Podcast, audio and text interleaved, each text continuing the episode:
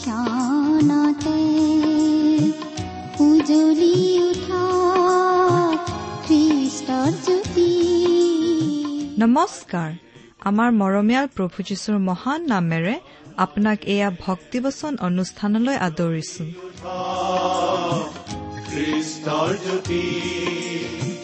আকাশ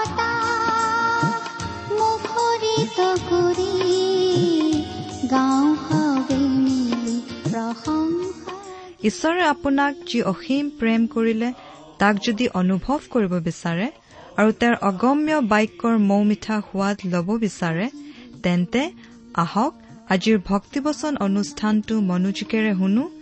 এয়া আপোনালৈ আগবঢ়াইছো ঈশ্বৰৰ জীৱন্ত বাক্যৰ অনুষ্ঠান ভক্তিবচন।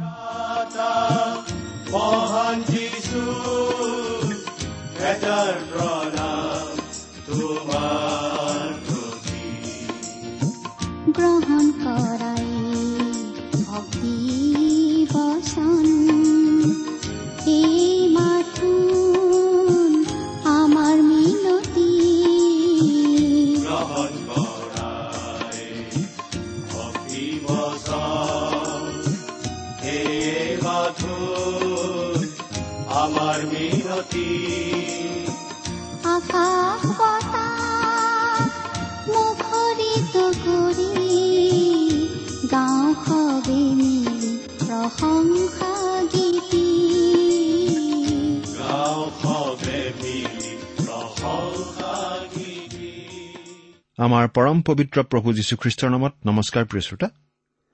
আশা কৰো মহান পিতা পৰমেশ্বৰৰ মহান অনুগ্ৰহত আপুনি ভালে কুশলে আছে। লগতে এই বুলিও আশা কৰিছো যে আপুনি আমাৰ এই ভক্তিবচন অনুষ্ঠানটো নিয়মিতভাৱে শুনি আছে। আৰু যদিহে আজি প্ৰথমবাৰৰ বাবে শুনিছে শুনি কেনে পাই আমালৈ চিঠি লিখি জনাবচোন। যদিহে আপুনি আমাৰ নিয়মীয়া শ্ৰোতা কিন্তু কেতিয়াও আমালৈ চিঠি পত্ৰ লিখা নাই তেনেহলে আজিয়ে দুষাৰিমান লিখি পঠিয়াবচোন। যদিহে মাজে সময়ে চিঠি পত্ৰ লিখি আছে আপোনাক ধন্যবাদ জনাইছো। আৰু আজিও দুষাৰিমান লিখি পঠিয়াবলৈ অনুৰোধ জনাইছো। আমাৰ যোগাযোগৰ ঠিকনা? ভক্তিবচন টি ডব্লিউ আৰ ইণ্ডিয়া ডাক বাকচ নম্বৰ সাত শূন্য গুৱাহাটী সাত আঠ এক শূন্য শূন্য এক। Bhaktibachan T W R India post box number seventy Guwahati seven eight one zero' zero' one. আমাৰ website W W W dot radio' eight eight two dot com আহক এতিয়া আমি আজিৰ বাইবেল অধ্যয়ন আৰম্ভ কৰোঁ হওক। যদিহে আপুনি আমাৰ এই ভক্তিবচন অনুষ্ঠানটো নিয়মিতভাৱে শুনি আছে তেতিয়াহ'লে আপুনি নিশ্চয় জানে যে আমি এতিয়া বাইবেলৰ পুৰণি নিয়ম খণ্ডৰ হবকুক ভাৱবাদীৰ পুস্তক নামৰ পুস্তকখন অধ্যয়ন কৰি আছো। নহয়নে বাৰু? আপুনি যোৱা অনুষ্ঠানটো যদি শুনিছিল তেতিয়াহ'লে নিশ্চয় আপোনাৰ মনত আছে যে আমি যোৱা অনুষ্ঠানত এই হবকুক পুস্তকৰ এক নম্বৰ অধ্যায়ৰ ছয় নম্বৰ পদৰ পৰা বাৰ নম্বৰ পদলৈকে পঢ়ি আলোচনা আগবঢ়াইছিলো। আজি আমি এই হবকুক পুস্তকৰ এক নম্বৰ অধ্যায়ৰ তেৰ নম্বৰ পদৰ পৰা আমাৰ আলোচনা আগবঢ়াই নিব খুজিছো। আপুনি বাৰু আপোনাৰ বাইবেলখন মেলি লৈছেনে? বাইবেলৰ পুৰণি নিয়ম খণ্ড মেলি লওক। এহেজাৰ তেৰ নম্বৰ পৃষ্ঠাত আমি কোৱা এই পদবোৰ আছে। এই হবকুক পুস্তকখন এখন ভাৱবাণীমূলক পুস্তক। হবকুকৰ মনত কিছুমান প্ৰশ্ন আছিল আৰু তাৰ উত্তৰত ঈশ্বৰে কিছুমান কথা জনাই দিছিল।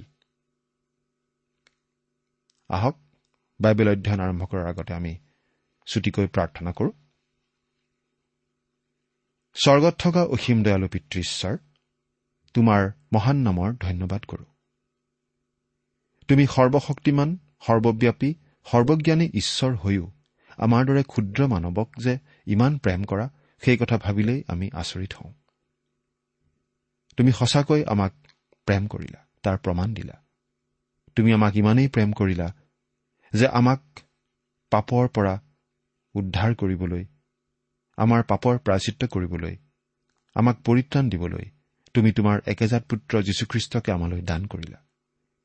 তেওঁ আমাৰ সকলো পাপৰ বোজা নিজৰ কান্ধত লৈ আমাৰ হৈ ক্ৰুচত প্ৰাণ দিলে। নিজৰ পবিত্ৰ তেজেৰে আমাৰ পাপৰ প্ৰায়চিত্ৰ কৰিলে। আজি তেওঁত বিশ্বাস কৰি আমি অনন্ত জীৱন লাভ কৰি তোমাক পিতৃ বুলি মাতিব পৰা হৈছো। তাৰ বাবে তোমাক অশেষ ধন্যবাদ পিতা। এতিয়া আমি তোমাৰ মহান বাক্য বাইবেল শাস্ত্ৰ অধ্যয়ন কৰিবলৈ ওলাইছো। প্ৰাৰ্থনা কৰিছো। তোমাৰ বাক্য তুমিয়েই আমাক বুজাই দিয়া। এই অনুষ্ঠান শুনি থকা আমাৰ মৰমৰ শ্ৰোতাসকলক তুমি উপচি পৰাকৈ আশীৰ্বাদ কৰা। কিয়নো এই প্ৰাৰ্থনা আমাৰ মহান ত্ৰাণকৰ্তা প্ৰভু যীশুখ্ৰীষ্টৰ নামত আগবঢ়াইছো। আমেন।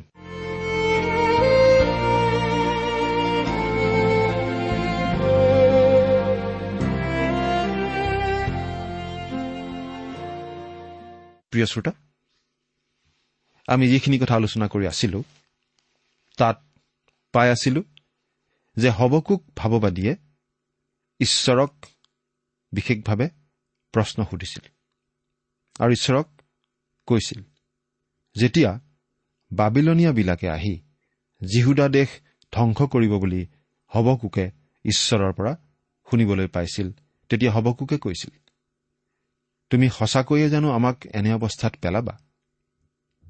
আমি মৰা নপৰিম। আৰু আচলতে হবকুকে সঁচা কথাই কৈছিল কাৰণ ঈশ্বৰে আগতে কৰি অহা প্ৰতিজ্ঞা ৰক্ষা কৰিব আৰু ইছৰাইল জাতিক তেওঁ কেতিয়াও নিঃশেষ হৈ যাবলৈ নিদিয়ে। ঠিক একেদৰে খ্ৰীষ্টীয় বিশ্বাসীসকলেও ক'ব পাৰে যে তেওঁ খ্ৰীষ্টত বিশ্বাস কৰি অনন্তকাল জীয়াই থাকিব। তেওঁ মৰা নপৰিব। প্ৰভু যীশুখ্ৰীষ্টই এই বুলি কৈছিল জোহন এঘাৰ নম্বৰ অধ্যায়ৰ পঁচিছ আৰু ছাব্বিছ নম্বৰ পদত চাওঁ হওক। প্ৰভু যীশুখ্ৰীষ্টই কৈছিল ময়েই পুনৰুত্থানো আৰু জীৱনো। যিকোনোৱে মোত বিশ্বাস কৰে তেওঁ মৰিলেও জীৱ আৰু যিকোনোৱে জীয়াই থাকি মোত বিশ্বাস কৰে তেওঁ কেতিয়াও নমৰিব। তুমি এই কথা বিশ্বাস কৰিছানে? প্ৰভু যীশুখ্ৰীষ্ট এই জগতলৈ আহি আপোনাৰ মোৰ বাবে ক্ৰুচত মৰি দিলে যাতে আমি আৰু মৰিব নালাগে। শাৰীৰিকভাৱে মৰিব লাগিব কিন্তু আম্মিকভাৱে আৰু যাতে আমি মৰিব নালাগে। প্ৰিয় শ্ৰোতা আপুনি বাৰু কি অৱস্থাত আছে? আম্মিকভাৱে জীয়া নে মৰা অৱস্থাত? আমি আম্মিকভাৱে মৰা অৱস্থাত থাকিলে অনন্তকালৰ বাবে ঈশ্বৰৰ পৰা বিচ্ছিন্ন হৈ পৰিব লাগিব। আমাৰ ঈশ্বৰ পবিত্ৰ ঈশ্বৰ তেওঁ পাপ কেতিয়াও স্বৰ্গলৈ যাবলৈ নিদিয়ে। কিন্তু তেওঁ প্ৰতিজ্ঞা কৰিছে যে যদি আমি তেওঁৰ পুত্ৰ যীশুত বিশ্বাস কৰোঁ তেওঁ আমাক অনন্ত জীৱন দিব। ঈশ্বৰে কৈছে যদি তুমি বিশ্বাস কৰা যে তুমি এজন পাপী আৰু তুমি পৰিত্ৰাণ পোৱাৰ যোগ্য নহয় আৰু সেই পৰিত্ৰাণ তুমি অৰ্জন কৰিবও নোৱাৰা তেনেহলে মই তোমাক পৰিত্ৰাণ আগবঢ়াম এটা উপহাৰ হিচাপে। আৰু মোৰ অনুগ্ৰহতেই তুমি ৰক্ষা পাবা তুমি অনন্ত জীৱন পাবা। যিজনে ঈশপুত্ৰ খ্ৰীষ্টক গ্ৰহণ কৰিলে তেওঁৰ জীৱন আছে। প্ৰিয় শ্ৰোতা আজি আপুনি বাৰু সেই ঈশপুত্ৰ যীচুক পাইছেনে? যদি পাইছে তেনেহলে আপোনাৰ অনন্ত জীৱন আছে আৰু আপুনি কেতিয়াও মৰিব নালাগে। কথাটো চিন্তা কৰি চাওকচোন। এইটো অতি গুৰুত্বপূৰ্ণ প্ৰয়োজনীয় কথা। যেতিয়া হবকুকে কৈছিল আমি মৰা নপৰিম তেওঁ ঠিক কথাই কৈছিল। কিন্তু ঈশ্বৰৰ কিছুমান কাম হবকুকে বুজিব পৰা নাছিল। আজিও আমি ইতিহাসৰ পটভূমিত কিছুমান কথা চাব পাৰোঁ। আৰু ইতিহাসৰ পটভূমিত বহুতো কথা আজি আমি সহজে বুজি পাব পৰা হৈছো। কিন্তু হবকুকৰ সেই সুবিধা কম আছিল। আজি আমি হবকুকৰ দিনলৈ আনকি সৃষ্টিৰ পাতনিৰ সময়লৈকে উভতি চাব পাৰো। ঈশ্বৰে এই জগতৰ জাতিসমূহৰ ক্ষেত্ৰত কেনেদৰে কাৰ্য কৰি আহিছে কেনেদৰে কাৰ্য কৰে ইছৰাইল জাতিৰ ক্ষেত্ৰত কেনেদৰে ঈশ্বৰে কাৰ্য কৰি আছে সেই সকলো আজি আমি বেছি ভালদৰে বুজি পাব পাৰোঁ। আজি ঈশ্বৰে এই পৃথিৱীত তেওঁৰ খ্ৰীষ্টীয় মণ্ডলীক লৈও কাৰ্য কৰি আছে। প্ৰিয় শ্ৰোতা ঈশ্বৰে বহু সময়ত অতি আচৰিত ধৰণে কাৰ্য কৰে। আৰু আমি সেই কাৰ্যবোৰ সহজে বুজি নাপাওঁ। যীচয় ভাওবাদীয়ে এইদৰে কৈছিল। কাৰণ জিহুৱাই কৈছে মোৰ কল্পনা আৰু তোমালোকৰ কল্পনা একে নহয়। আৰু তোমালোকৰ পথ অ মোৰ পথ একে নহয়। কিয়নো পৃথিৱীতকৈ আকাশমণ্ডল যিমান ওখ তোমালোকৰ সকলো পথতকৈ মোৰ পথ আৰু তোমালোকৰ সকলো কল্পনাতকৈ মোৰ কল্পনা সিমান ওখ। ৰিচয়া পঁচপন্ন নম্বৰ অধ্যায়ৰ আঠ আৰু ন নম্বৰ পদ। প্ৰিয় শ্ৰোতা ঈশ্বৰে যি ধৰণে চিন্তা কৰে সেইটো আমি বুজি পোৱা নাই। আৰু যদিহে বুজি নাপাওঁ তেনেহলে আচৰিত নহ'ব। কিন্তু বহুতো মানুহে ঈশ্বৰৰ স্থান ল'ব বিচাৰে। তেওঁলোকে নিজৰ বলত পৰিত্ৰাণ অৰ্জন কৰিবলৈ চেষ্টা কৰি থাকে। নিজৰ ধাৰ্মিকতাৰ বলত পৰিত্ৰাণ অৰ্জন কৰিবলৈ তেওঁলোকে চেষ্টা চলাই যায়। তেওঁলোকে ঈশ্বৰক সন্তুষ্ট কৰিবলৈ চেষ্টা কৰি থাকে।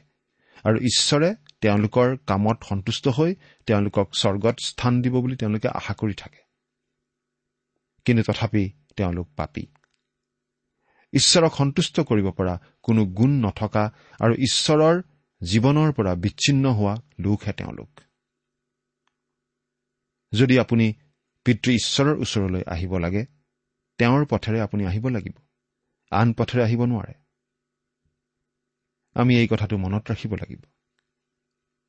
আমি মানৱ জাতি আচলতে অতি গৰ্বী আৰু বেলুন ফুটোৱাৰ নিচিনাকৈ আমাক ফুটোৱাৰ প্ৰয়োজন আছে। বিভিন্ন সমস্যাৰ কাৰণে আনক দোষ দিয়াৰ পৰিৱৰ্তে আমি নিজে পাপ স্বীকাৰ কৰি ঈশ্বৰৰ আগত আচলতে প্ৰাৰ্থনাহে জনাব লাগে।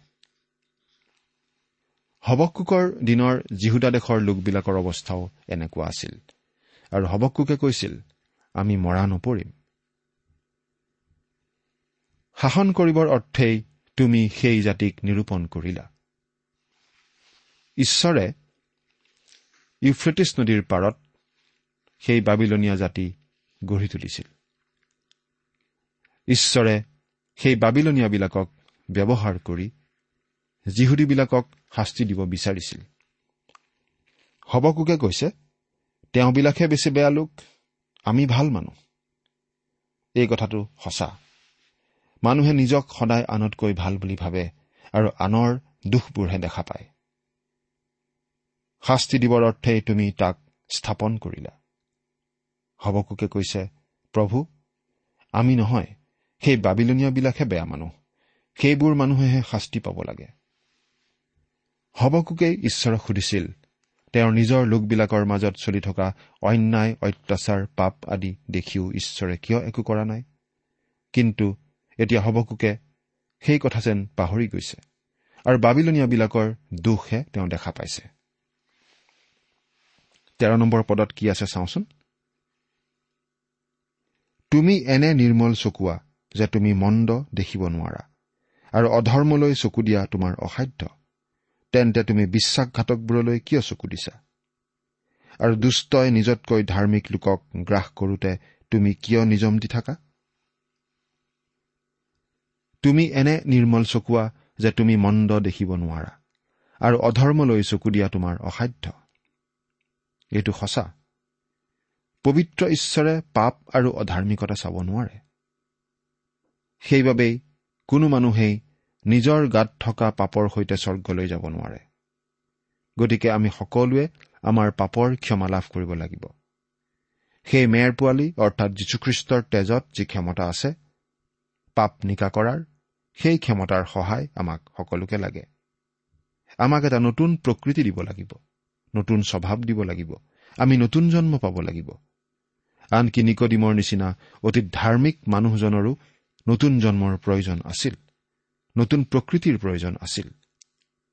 ধৰ্মই পাপ ধুই নিব নোৱাৰে। ক্ৰুচত মৃত্যুবৰণ কৰি পুনৰ জি উঠা যীশুখ্ৰীষ্টৰ তেজেহে পাপ ধুই নিব পাৰে। ঈশ্বৰে অধাৰ্মিকতা চাব নোৱাৰে আৰু নাচায়। গতিকে পাপৰ বিষয়টো নিষ্পত্তি নকৰা পৰ্যন্ত আপোনাৰ মোৰ বাবে সৰগত দুৱাৰ বন্ধ। যেতিয়া ঈশ্বৰে আমাক ক্ষমা কৰে আমাৰ পাপৰ বেচ তেওঁৰ পুত্ৰ যীশুৱে ক্ৰুচৰ ওপৰত ইতিমধ্যেই দিলে বাবেহে আমাৰ পাপ তেওঁ ক্ষমা কৰিব পাৰে।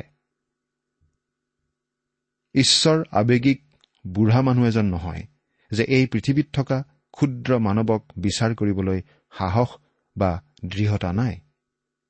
ঈশ্বৰ পবিত্ৰ ঈশ্বৰ। তেওঁ অধাৰ্মিকতা চাব নোৱাৰে। তেওঁ আমাক গ্ৰহণ কৰিব লাগিলে। আগতে আমি পাপ স্বীকাৰ কৰি তাৰ ক্ষমা লাভ কৰিব লাগিব। তেন্তে তুমি বিশ্বাসঘাতকবোৰলৈ কিয় চকু দিছা? হবকুকে কৈছে তুমি সেই বাবিলনীয়াবিলাকক কেতিয়াও বিশ্বাস কৰিব নোৱাৰা। সিহঁত পাপী আৰু সিহঁত ঠগৰ দল। হবকুকে অৱশ্যে ঠিকেই কৈছিল। সেই বাবিলনীয়াবিলাক আচলতে তেনেকুৱাই আছিল। কিন্তু ঈশ্বৰে নিজৰ উদ্দেশ্য সিদ্ধিৰ বাবে তেওঁলোককেই ব্যৱহাৰ কৰিব। প্ৰিয় শ্ৰোতা এই কথাটোৱে আমাকো ভয় খুওৱা উচিত। আমি ভাবিব নালাগে যে ঈশ্বৰে কোনো এখন দেশ বা জাতিক শাস্তি দিবলৈ অধাৰ্মিক আৰু দুষ্ট দেশ বা জাতিক ব্যৱহাৰ কৰিব নোৱাৰে। নাই এইটো ঠিক সঁচা কথা নহয়। ঈশ্বৰে আজিও পৃথিৱীৰ বিভিন্ন জাতি তথা দেশবোৰৰ মাজত কাম কৰি আছে। ভাল দেশক শাস্তি দিবলৈ বেয়া দেশো ব্যৱহাৰ কৰি আহিছে। আমাৰ সন্মুখত কি আছে সেইটো ভাবি আমাৰ হয়তো ভয়ো লাগিব পাৰে কিন্তু ঈশ্বৰৰ ভয় নালাগে। তেওঁৰ এই হাতত এতিয়াও সকলো নিয়ন্ত্ৰণ আছে। এই বিশ্বব্ৰহ্মাণ্ডখন তেওঁৰে বিশ্বব্ৰহ্মাণ্ড আৰু এই বিশ্বব্ৰহ্মাণ্ডখন তেওঁই নিজৰ মতে চলাই আছে। আৰু দুষ্টই নিজতকৈ ধাৰ্মিক লোকক গ্ৰাস কৰোতে তুমি কিয় নিজম দি থাকা? হবকুকে ইয়াত কথাটো আচলতে ভুলকৈ কৈছে। নিজতকৈ ধাৰ্মিক লোক বুলি ক'ব নোৱাৰি। কাৰণ ধাৰ্মিক আচলতে এজনো নাই। বৰং এজন আনজনতকৈ অধিক পাপী বুলি ক'লেহে খাপ খায়। কিন্তু ঈশ্বৰে সেই ভিত্তিত শাস্তি দিম বুলি কোৱা নাই। ঈশ্বৰে বাবিলনীয়াবিলাকক ব্যৱহাৰ কৰি নিজৰ লোকবিলাকক শাস্তি বিহিব বুলিহে কৈছে। চৈধ্যৰ পৰা ষোল্ল নম্বৰ পদলৈকে একেলগে পাঠ কৰি দিম। চাবচোন। আৰু তুমি মানুহবিলাকক সাগৰৰ মাছ যেন আৰু শাসনকৰ্তা নোহোৱা বগাই ফুৰা প্ৰাণী যেন কিয় কৰা? সি সিহঁতৰ আটাইকে বৰশীৰে তোলে নিজ জালেৰে সিহঁতক ধৰে আৰু খেৱালি জালেৰে সিহঁতক গোটায়। এইকাৰণে সি আনন্দিত আৰু উল্লাসিত হয়। এই হেতুকে সি নিজৰ জালৰ উদ্দেশ্যে বলি উৎসৰ্গ কৰে আৰু নিজৰ খেৱালি জালৰ উদ্দেশ্যে ধূপ জ্বলায়। কিয়নো সেইবোৰৰ দ্বাৰাই তাৰ ভাগ পুষ্ট আৰু তাৰ আহাৰ তেলীয়া হয়। আৰু তুমি মানুহবিলাকক সাগৰৰ মাছ যেন আৰু শাসনকৰ্তা নোহোৱা বগাই ফুৰা প্ৰাণী যেন কিয় কৰা? বাবিলনীয়াবিলাকে তেওঁলোকৰ শত্ৰুবোৰক কি যে আলাই আঠানি কৰিছিল তাকেই ইয়াত কোৱা হৈছে। সাগৰৰ মাছ আৰু বগাই ফুৰা প্ৰাণীৰ মাটিত যি অৱস্থা হ'ব ঠিক তেনেকুৱা অৱস্থা সেই বাবিলনীয়াবিলাকে শত্ৰুবিলাকক কৰিছিল। তেওঁলোক অতি নিষ্ঠুৰ আছিল। বৰশী আৰু জাল। বৰশী আৰু জাল মানে বাবিলনীয়াসকলে যুদ্ধ জয় কৰিবলৈ ব্যৱহাৰ কৰা সৈন্য বাহিনী আৰু অস্ত্ৰ শস্ত্ৰক বুজোৱা হৈছে বুলি আমি বুজি পাওঁ। এই মাছ ধৰাৰ কথাটো অৱশ্যে ঈশ্বৰে আন ধৰণেও আমাক কৈছে। প্ৰভু যীশুৱে তেওঁৰ শিষ্যসকলক এই বুলি কৈছিল। তাতে তেওঁ তেওঁলোকক কলে মোৰ পাছত আহা মই তোমালোকক মানুহ ধৰা জালুৱাই কৰিম। মুঠি চাৰি নম্বৰ অধ্যায়ৰ ঊনৈশ নম্বৰ পদ। খ্ৰীষ্টৰ শুভবাৰ্তা প্ৰচাৰ কৰা লোকসকলে আচলতে এই মাছ ধৰা কামেই নিষ্ঠাপূৰ্ণভাৱে কৰিব বিচাৰে। এই হেতুকে সি নিজৰ জালৰ উদ্দেশ্যে বলি উৎসৰ্গ কৰে আৰু নিজৰ খেৱালি জালৰ উদ্দেশ্যে ধূপ জ্বলায়। বাবিলনীয়াসকলে বৰ বৰ জাতিৰ নিচিনাকৈ তেওঁলোকৰ সমৰ সাফল্যৰ বাবে প্ৰকৃত জীৱন্ত ঈশ্বৰক কেতিয়াও কৃতিত্ব দিয়া নাছিল। তেওঁলোকে ঈশ্বৰক স্বীকাৰ কৰা নাছিল বৰং তেওঁলোকে বৰ্বৰ জাতিৰ দৰেই ব্যৱহাৰ কৰিছিল। সোতৰ নম্বৰ পদ। এই হেতুকে সি নিজৰ জাল খালী কৰি থাকিবনে? আৰু অনবৰত জাতিবিলাকক বধ কৰিবলৈ ক্ষান্ত নহবনে? হবকুকে ঈশ্বৰক সুধিছে তুমি বাৰু তেওঁলোকক তেনেদৰে জাতিৰ পাছত জাতি ধ্বংস কৰি যাবলৈ দিবানে? ঈশ্বৰে উত্তৰ দিছে নাই। মই যিহুদা দেশক বাবিল দেশত বন্দী হৈ যাবলৈ এৰি দিম। শাস্তিস্বৰূপে তেওঁবিলাকৰ পাপৰ সুধবিচাৰ হিচাপে। কিন্তু তাৰ পাছত মই বাবিলনক সুধবিচাৰ কৰিম। বাবিলনকো মই এনেই এৰি নিদিওঁ। প্ৰিয় শ্ৰোতা ঈশ্বৰে আচলতে ঠিক তেনেকুৱাই কৰিছিল। আজি বাবিলন ধ্বংসস্তূপত পৰিণত হৈয়েই আছে। ঈশ্বৰে যে মন্দতাক দুষ্টতাক পাপ আচৰণক শাস্তি দিয়ে তাৰ এই নীৰৱ সাক্ষ্য দি আছে। বাবিলনৰ ধ্বংসস্তূপে সেই কথা আজি আমাক বাৰে বাৰে সোঁৱৰাই দি আছে। এতিয়া আমি বৰ্তমানৰ কথাকে অলপ চাওঁ। ঈশ্বৰে বাৰু মন্দতা অন্যায় অবিচাৰ অত্যাচাৰ আদি কিয় চলি থাকিবলৈ দিয়ে? ঈশ্বৰে তেনেদৰে মন্দতা আদি চলি থাকিবলৈ দিয়ে। কাৰণ ঈশ্বৰ দীৰ্ঘ সহিষ্ণু তেওঁ ধৈৰ্যশীল। কোনো মানুহ ধ্বংস হৈ যোৱাটো তেওঁ নিবিচাৰে। তেওঁ এটা ক্ৰুচ আগবঢ়াইছে। এজন ক্ৰুচবিদ্ধ পৰিত্ৰাতা গোটেই জগতৰ বাবে আগবঢ়াইছে যাতে কোনো নষ্ট হ'ব লগা নহয়। সেই কাম তেওঁ কৰিছে খ্ৰীষ্টৰ প্ৰথম আগমনৰ যোগেদি। মানুহে সেই খ্ৰীষ্টক গ্ৰহণ কৰি যাতে পৰিত্ৰাণ লাভ কৰে সেইটোৱে তেওঁ বিচাৰি আছে। হৱকোকৰ দ্বিতীয় প্ৰশ্নটো হৈছে মণ্ডলোকক ঈশ্বৰে কিয় শাস্তি নিদিয়ে? সেই প্ৰশ্নৰ উত্তৰ ঈশ্বৰে খ্ৰীষ্টৰ দ্বিতীয় আগমনৰ সময়ত দিব কাৰণ সেই সময়ত তেওঁ পাপৰ সুধবিচাৰ কৰিব। এই প্ৰশ্ন দুটাৰ উত্তৰ আমি ভালদৰে বুজি পোৱা উচিত। প্ৰভু যীশুখ্ৰীষ্ট প্ৰথমবাৰ আহিছিল কাঁইটৰ কিৰিটি পিন্ধি ক্ৰুচত মৰি দিবৰ বাবে। আমাৰ পাপৰ প্ৰায়চিত্ৰ কৰিবৰ বাবে যাতে তেওঁত বিশ্বাস কৰি মানুহে উদ্ধাৰ পাব পাৰে। কিন্তু ভৱিষ্যতে যেতিয়া প্ৰভু যীশুখ্ৰীষ্ট আকৌ আহিব তেওঁ আহিব গৌৰৱৰ মুকুট পিন্ধি। তেওঁ আহিব হাতত ৰাজদণ্ড লৈ শাসনকৰ্তা হিচাপে। বিচাৰ কৰি দণ্ড বিহিবৰ বাবে।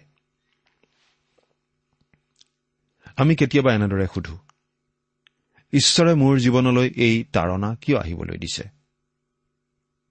তাৰ উত্তৰ আমি দিব নোৱাৰো। কিন্তু তেনেকুৱা ধৰণৰ কঠিন জটিল প্ৰশ্নৰ উত্তৰো ঈশ্বৰৰ হাতত আছে। বহু সময়ত আমি সেই প্ৰশ্নৰ উত্তৰ লগে লগে নহয় কিন্তু বহু বছৰ পাছতহে পাওঁ। আচলতে আমাৰ সৃষ্টিকৰ্তাক প্ৰশ্ন কৰাৰ অধিকাৰ আমাৰ জানো আছে? এই সৰু মানুহৰ কি অধিকাৰ আছে? স্বৰ্গলৈ চাই এই বুলি প্ৰশ্ন কৰাৰ? কিয়? মোলৈ কিয় এনে ঘটিল? প্ৰিয় শ্ৰোতা এইটো আমাৰ হাতত থকা বিষয় নহয়। এইটো ঈশ্বৰৰ হাতত থকা বিষয়।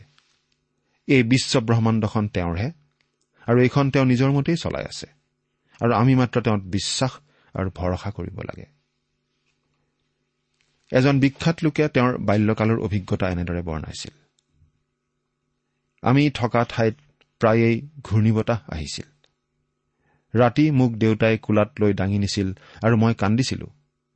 তেওঁ মোক তলত থকা কোঠা এটালৈ লৈ গৈছিল আৰু সেইটো সেমেকা আন্ধাৰ আৰু বেছি আৰামদায়ক কোঠা নাছিল। তেওঁ মোক তাতে শুৱাই থৈছিল আৰু ৰাতিপুৱা মই নিৰাপদ অৱস্থাত সাৰ পাইছিলো। মই কান্দি থাকোঁতে মোৰ দেউতাই মোক ঘূৰ্ণী বতাহ কি বস্তু বুজাব খোজা নাছিল তেওঁ মোক কেৱল বিপদৰ পৰা বচাইছিল। মই কেৱল মোৰ দেউতাক বিশ্বাস কৰিছিলো। আমিও বহু কথা বুজি নাপাব পাৰোঁ আৰু নাপাওঁ। কিন্তু সকলো কথা ঈশ্বৰে জানে। সকলো উত্তৰ তেওঁৰ হাততেই আছে। এদিন মোৰ সকলো প্ৰশ্নৰ উত্তৰ ঈশ্বৰে দিব। কিন্তু এতিয়া এতিয়া আমি কেৱল তেওঁত ভৰসা কৰি চলিবহে লাগে। তেওঁৰ কথা বিশ্বাস কৰি আমি তেওঁৰ ওপৰতে সম্পূৰ্ণ নিৰ্ভৰশীল হৈ চলিব মাত্ৰ লাগে। প্ৰিয় শ্ৰোতা সেই ঈশ্বৰৰ সকলো কথা বিশ্বাস কৰি তেওঁত ভৰসা কৰি আপুনি বাৰু চলি আছেনে?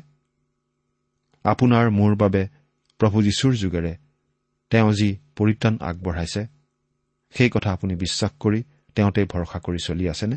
চিন্তা কৰি চাওকচোন। ঈশ্বৰে আপোনাক আশীৰ্বাদ কৰক। আহমেদ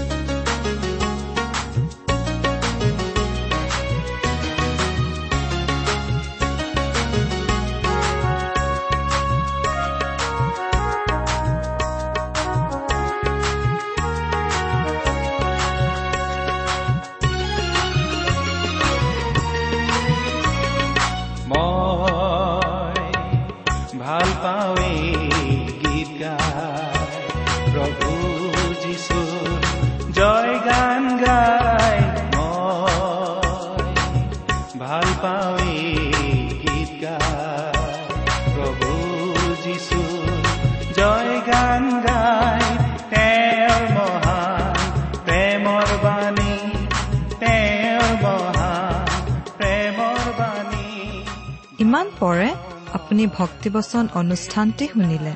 এই বিষয়ে আপোনাৰ মতামত জানিবলৈ পালে আমি নথৈ আনন্দিত হ'ম আমি প্ৰস্তুত কৰা বাইবেল অধ্যয়নৰ আন চিডিসমূহ পাব বিচাৰিলেও আমালৈ লিখক। অনুষ্ঠানটি শুনি কেনে পালে আমালৈ চিঠি লিখি জনাবচোন? অনুষ্ঠানত প্ৰচাৰ কৰা কোনো কথা বুজিব লগা থাকিলেও আমালৈ লিখক। আমাৰ ঠিকনা? ভক্তিবচন ট্ৰান্স ৱৰ্ল্ড ৰেডিঅ' ইণ্ডিয়া ডাক বাকচ নম্বৰ সাত শূন্য গুৱাহাটী সাত আঠ এক শূন্য শূন্য এক। ঠিকনাটো আৰু এবাৰ কৈছো। ভক্তিবচন ট্ৰান্স ৱৰ্ল্ড ৰেডিঅ' ইণ্ডিয়া ডাক বাকচ নম্বৰ সাত শূন্য গুৱাহাটী সাত আঠ এক শূন্য শূন্য এক। আমাৰ ইমেইল এড্ৰেছটো হৈছে S M is T T B at the rate radio' eight eight two dot com. আমাৰ website W W W dot T W R dot in. আপুনি টেলিফোনৰ মাধ্যমেৰেও আমাক যোগাযোগ কৰিব পাৰে। আমাৰ টেলিফোন নম্বৰটো হৈছে শূন্য তিনি ছয় এক দুই ছয় শূন্য চাৰি ছয় সাত এক। ফোন নম্বৰটো আকৌ এবাৰ কৈছো zero' three six one two six zero' four six seven one. আজিৰ অনুষ্ঠানটি ইমানতে সামৰিছো। ঈশ্বৰৰ শান্তি আৰু অনুগ্ৰহ আপোনাৰ লগত থাকক। ধন্যবাদ।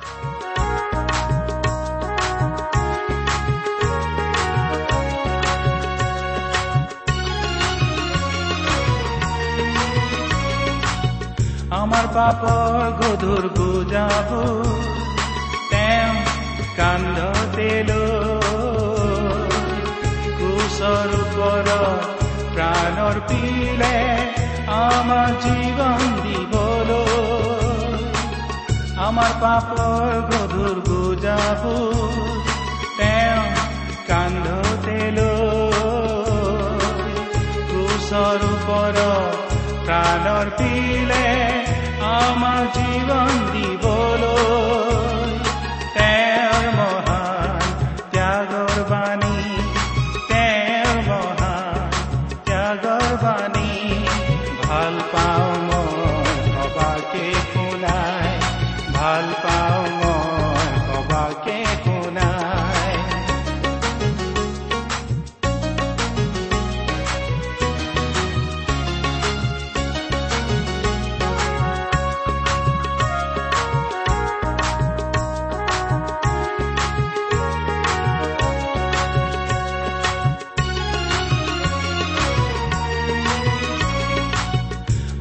পাপৰ গধুৰ বুজাব তেওঁ কান্ধতে